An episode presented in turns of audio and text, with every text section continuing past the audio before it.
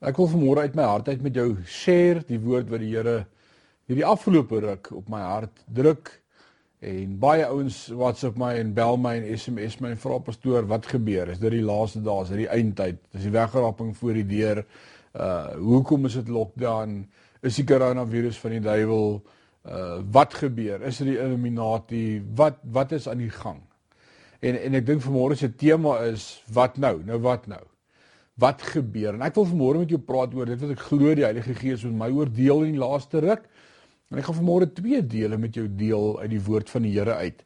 En vanmôre sommer net my hart met jou share en ek glo dat dat jy vanmôre dit gaan aanneem en dat dit ook vanmôre vir jou gaan help en gaan bless om in hierdie tyd te weet wat nou en en, en wat gebeur. Ek glo die koms van die Here is voor die deur. Dit, dit sal amazing wees. Paulus sê vir my is Christus die lewe en om te sterwe 'n wins. En ek glo die koms van die Here is voor die deur. Hy het ons beloof hy kom weer terug. Maar ek dink nie dis vanaand of môre nie. Die woord van die Here sê niemand ken die uur en die tyd nie, niemand weet nie. Ek glo daar's nog siele wat moet inkom, maar ek wil vanmôre met jou uit my hart uit sê wat dink ek wat is besig om nou te gebeur? Hoe kan ons God se grootheid en sy almag te midde van omstandighede raak sien?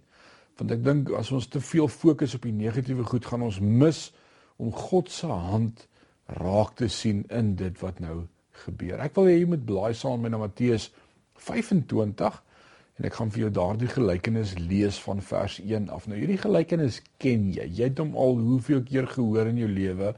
Dis die gelykenis van die 10 maagde. Jy ken dit. En ek het al baie vertalings en interpretasies van hierdie skrif gehoor.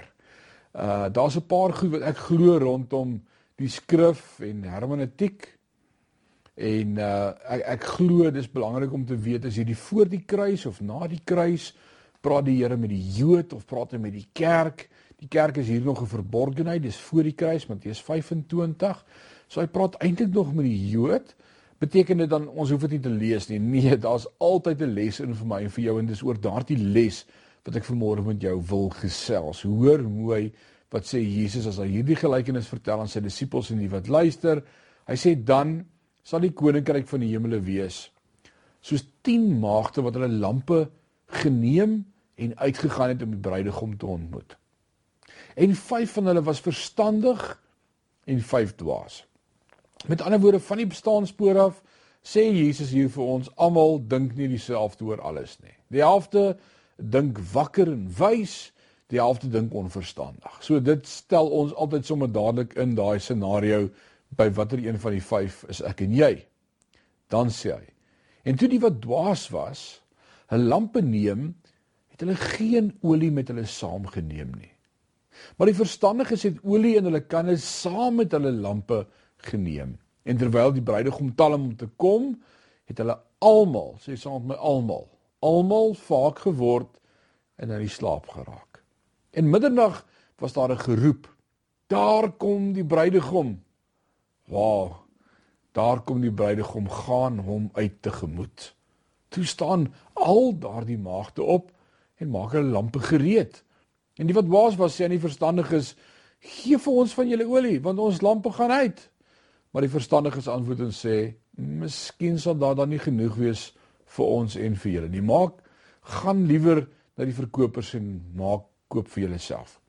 En onderwyl hulle gaan om te koop, het die bruidegom gekom en die wat gereed was, het saam met hom ingegaan na die bruilof en die deur is gesluit.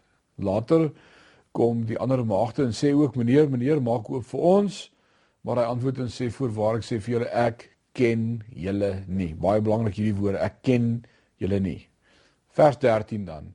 Waak dan omdat julle die dag en die uur nie weet waar die seun van die mens kom nie. Ek het al baie interpretasies en vertolkings gehoor van hierdie gedeelte en dalk jy ook. Dalk dalk het jy al gehoor die olie in die lamp is die Heilige Gees. Ek wil vanmôre vir julle sê ek dink nie dit kan die Heilige Gees wees nie. Met alle respek, die Heilige Gees kan nie gekoop word nie.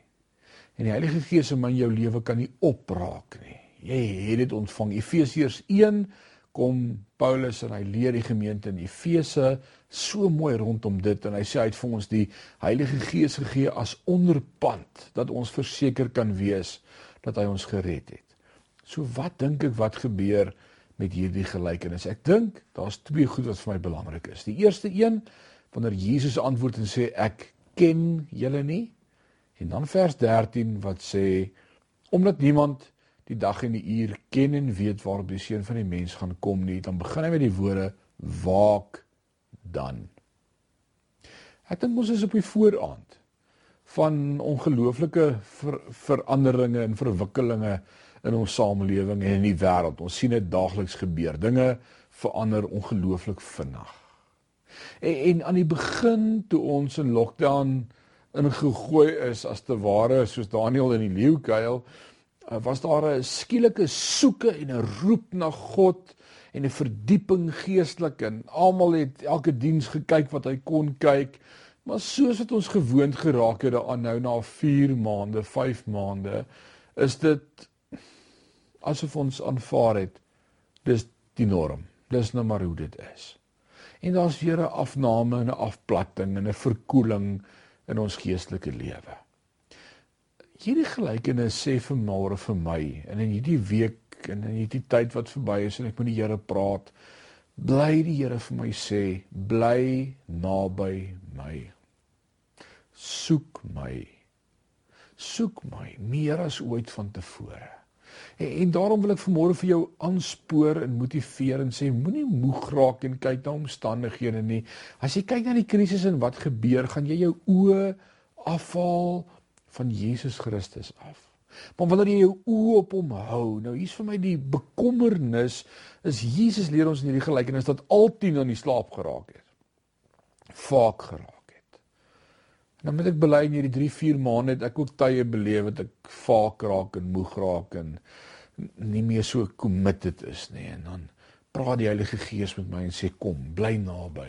En, en ek beleef hierdie tyd as 'n tyd wat die Here vir my en vir jou eenkant geroep het om te sê nou staan niks meer wat jou aandag kan aftrek nie.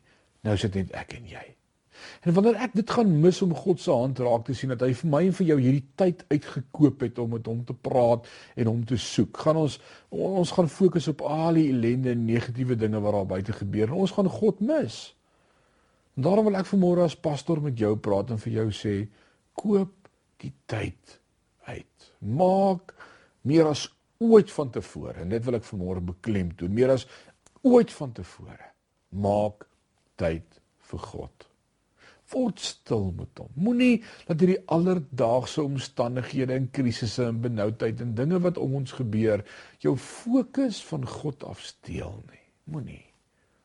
Ek lees vanmôre vir jou die tweede gedeelte wat die Here op my hart druk En dis die sewende brief van die sewe sewende gemeente in Openbaring. Openbaring 3 vers 20. En ons ken hierdie gedeelte. Maar ek wil sê vanmôre sê die Here dit vir elkeen van ons. Onthou, hy praat met 'n gemeente, hy praat met 'n kerk, hy praat met wedergebore kinders van God wat aan hom behoort. Johannes skryf aan hierdie gemeente en wat sê hy vir hulle? Jesus sê, "Kyk, ek staan by die deur en ek klop. As iemand my stem hoor en die deur oopmaak. Nou hy praat met die kerk, hy praat met ouens wat besig is met God en wat sê ons ken God en ons ons verstaan godsdienst en ons verstaan ons verhouding met die Here. En Jesus praat met hierdie groep in die laaste dae en sê hy, "Hey, ek klop so hard, maar julle hoor nie." Dalk is God besig om vanmôre opnuut aan jou hart te klop. Dalk is daar soveel dinge wat gebeur wat jou aandag aftrek van God se geklop af. Hoor wat sê die woord vanmôre vir jou. Kyk, ek staan by die deur en ek klop. As iemand my stem hoor en die deur oopmaak, sal ek ingaan na hom toe en saam met hom maaltyd hou en hy met my. O, en ek kan dit vanmôre bevestig. Wanneer jy God se stem hoor en sy Heilige Gees se geklop hoor en jou hart net 'n oomblik oopmaak, oh, dan beleef ek hom en ek ervaar hom en ek praat met hom en hy's daar. En dis amazing. Ek hoop jy beleef dit ook. Ek hoop nie vanmôre die Here sê vir jou ek staan daar buite en ek klop en ek hoop jy maak oop nie. En dan sê hy in vers 21: Aan hom wat oorwin, sal ek gee om saam met my te sit op my troon, soos ek ook oorwin het en saam met my Vader op sy troon gaan sit het. En dan sê hy vanmôre wie oor het, laat hom hoor wat die Gees aan die gemeentes sê. Ek wil vanmôre vir jou sê, luister na die stem van die Here. Luister na God se geklop. Luister na God wat tyd met jou wil maak. Koop die tyd uit. Ja, dis great om by die kerk te wees en ons gaan een van die dae weer daar wees. Maar ek wil nie hê dat jy sal dink dat deur by die kerk te wees jy oukei is in jou verhouding met die Here nie. Daarom sien ek hierdie as die hand van die Here wat alles se oomblik pos en sê ek wil nie jy moet dink jy's oukei nie. Maak seker. Dis hoe lief God vir my en vir jou het om vir ons tyd te maak om te sê maak seker wie jy oor het om te hoor, laat hom hoor wat die Gees aan die gemeente sê. Ek gaan vanmôre 'n song met jou share wat baie kosbaar is vir my, wat in hierdie week vir my baie baie beteken het. Wat gaan oor absolute gebed wat sê Here, kom. En in daai gebed wat hierdie man sing wat hy sê Here, kom, wil ek vanmôre hoor dat jy sal beleef in jou gees dat deur te roep kom, deur te roep kom, is daar altyd by my en by jou 'n gereedheid en 'n paraatheid. Dis die enigste uitkyk op eskatologie op die eindtyd wat 'n konstante gereedheid by jou en by my bring. Enigiets anders wat ek sal glo behalwe dat Jesus gaan kom, gaan maak dat ek soek vir die anti-kris of ek gaan lou word of ek gaan kyk hierna of daarna, maar wanneer ek Jesus verwag wat met kom en ek bid hierdie gebed vanmôre saam en sê Jesus kom kom na 'n wêreld wat U so nodig het. Kom red nog siele. Kom maak 'n verskil. Kom bring heling. Kom haal my. Dan wil ek vir jou sê dit lei my en jou tot 'n plek van introspeksie en vanmôre in die spieël kyk en sê Here, hoe lyk ek? Is ek gereed dat U kan kom? Lyk ek soos die vyf maagde wat U verwag het en en paraat was en gereed was? Of was daar by my 'n laksheid en 'n moegheid en iets het opgeraak? Ek weet nie wat is die olie nie. Ons glo dis dalk ons ons ywer, ons ywer. Mag die Here vanmôre met jou help. Mag mag hy met jou praat, mag hy vanmôre deur sy gees jou inspireer. En my gebed vir jou is in hierdie krisistye wat ons beleef, dat jy meer as altyd die hand van die Here sal beleef en ervaar en weet dat God by jou is. Mag die Here jou seën, mag hy met jou ontmoet, mag hy jou bless. Kom ons bid saam. Ewige God en Hemelse Vader, my gebed vandag is dat jy met elkeen van ons sal ontmoet dat jy met elkeen van ons sal praat, dat ons hier vanmôre mag beleef en ervaar en weet dat U naby ons is. Dra ons in hierdie week, hou ons vas in die holte van U hand. Soos gebed in Jesus naam.